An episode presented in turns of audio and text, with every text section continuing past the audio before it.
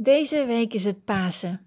Een tijd om stil te staan bij het feit dat Jezus het kruis heeft gedragen voor onze zonden en te vieren dat Hij is opgestaan. Nou, voor mij was het ook een moment om stil te staan bij de kracht van wie Jezus is. En een mooi bijpassend Bijbelvers vond ik daarom Johannes hoofdstuk 14, vers 13 en 14. Jezus zegt hier: En wat u ook zult vragen in mijn naam, dat zal ik doen opdat de Vader in de Zoon verheerlijkt zal worden. Als u iets vragen zult in mijn naam, ik zal het doen. Wauw, gaaf hè? Realiseer je wat een mooie belofte dit is? Jezus zegt hier dat we moeten bidden in zijn naam en dat dan onze gebeden verhoord zullen worden. Wauw, het is bijna net als een blanco cheque uitgeschreven door Jezus. Je kunt vragen wat je wilt en je zult het ontvangen, zolang we bidden in zijn naam. Maar Waarom zegt Jezus dit? Waarom kan hij dit zeggen? Kunnen wij dit zeggen? Nee. Wie is Jezus dat hij dit kan zeggen? Nou, hiervoor gaan we even een paar versen terug. Naar hetzelfde hoofdstuk, maar dan vers 6 tot en met 11. Ik lees het voor. Jezus zegt tegen hem: Ik ben de weg, de waarheid en het leven. Niemand komt tot de Vader dan door mij.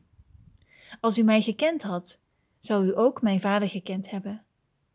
En van nu af kent u hem en hebt u hem gezien. Filippus zei tegen hem: Heere, laat ons de Vader zien, en het is ons genoeg.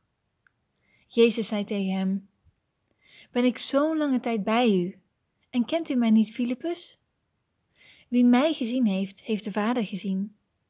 En hoe kunt u dan zeggen: Laat ons de Vader zien? Gelooft u niet dat ik in de Vader ben en de Vader in mij is? De woorden die ik tot u spreek, spreek ik niet uit mijzelf, maar de Vader die in mij blijft, die doet de werken. Geloof mij dat ik in de Vader ben en de Vader in mij is. En zo niet, geloof mij dan om de werken zelf. Ja, door Jezus kunnen we God zien en de dingen die Jezus doet en de dingen die, zijn de dingen die God doet. Dus Jezus is de Messias, de weg, de waarheid en het leven. Hij heeft tijdens zijn leven op aarde de condities opgebouwd door het kruis te dragen en zo onze geestelijke redding mogelijk gemaakt. Daarom kan hij zeggen: Als u iets vraagt in mijn naam, zal ik het doen. Zelf hebben we niet voldoende verdiensten om zonder de naam van Jezus te bidden tot God. Zonder de naam van Jezus kan ons gebed niet bij God aankomen. Je kunt het een beetje vergelijken met de rekensom. Een rekensom is bijvoorbeeld 1 plus 2 is 3. Als wij de 1 zijn, dan hebben we de 2 nodig om 3 te krijgen. Dus we kunnen niet zeggen 1 is 3. We hebben in diezelfde, op diezelfde manier Jezus' naam nodig om ons gebed aan te vullen. Wij zijn de 1 en Jezus is de 2 en samen zijn we 3. Alleen in Zijn naam kunnen we voor God komen en onze gebeden voorleggen. Ik vond het mooi om tijdens deze Pasen hier even bij stil te staan, bij de kracht van de naam van Jezus. Door te weten wie Hij is en wat Hij gedaan heeft, door in Hem te geloven en te bidden in Zijn naam, kunnen onze gebeden beantwoord worden. We zien ook een voorbeeld hiervan in Handelingen hoofdstuk 16, vers 16 tot en met 18, waar apostel Paulus een waarzeggende geest wegjaagt uit een slavin.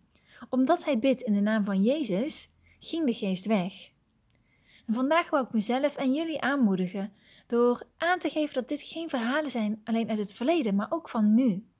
Als wij bidden in de naam van de Heer Jezus, zullen ook onze gebeden beantwoorden. Geloof jij dat ook?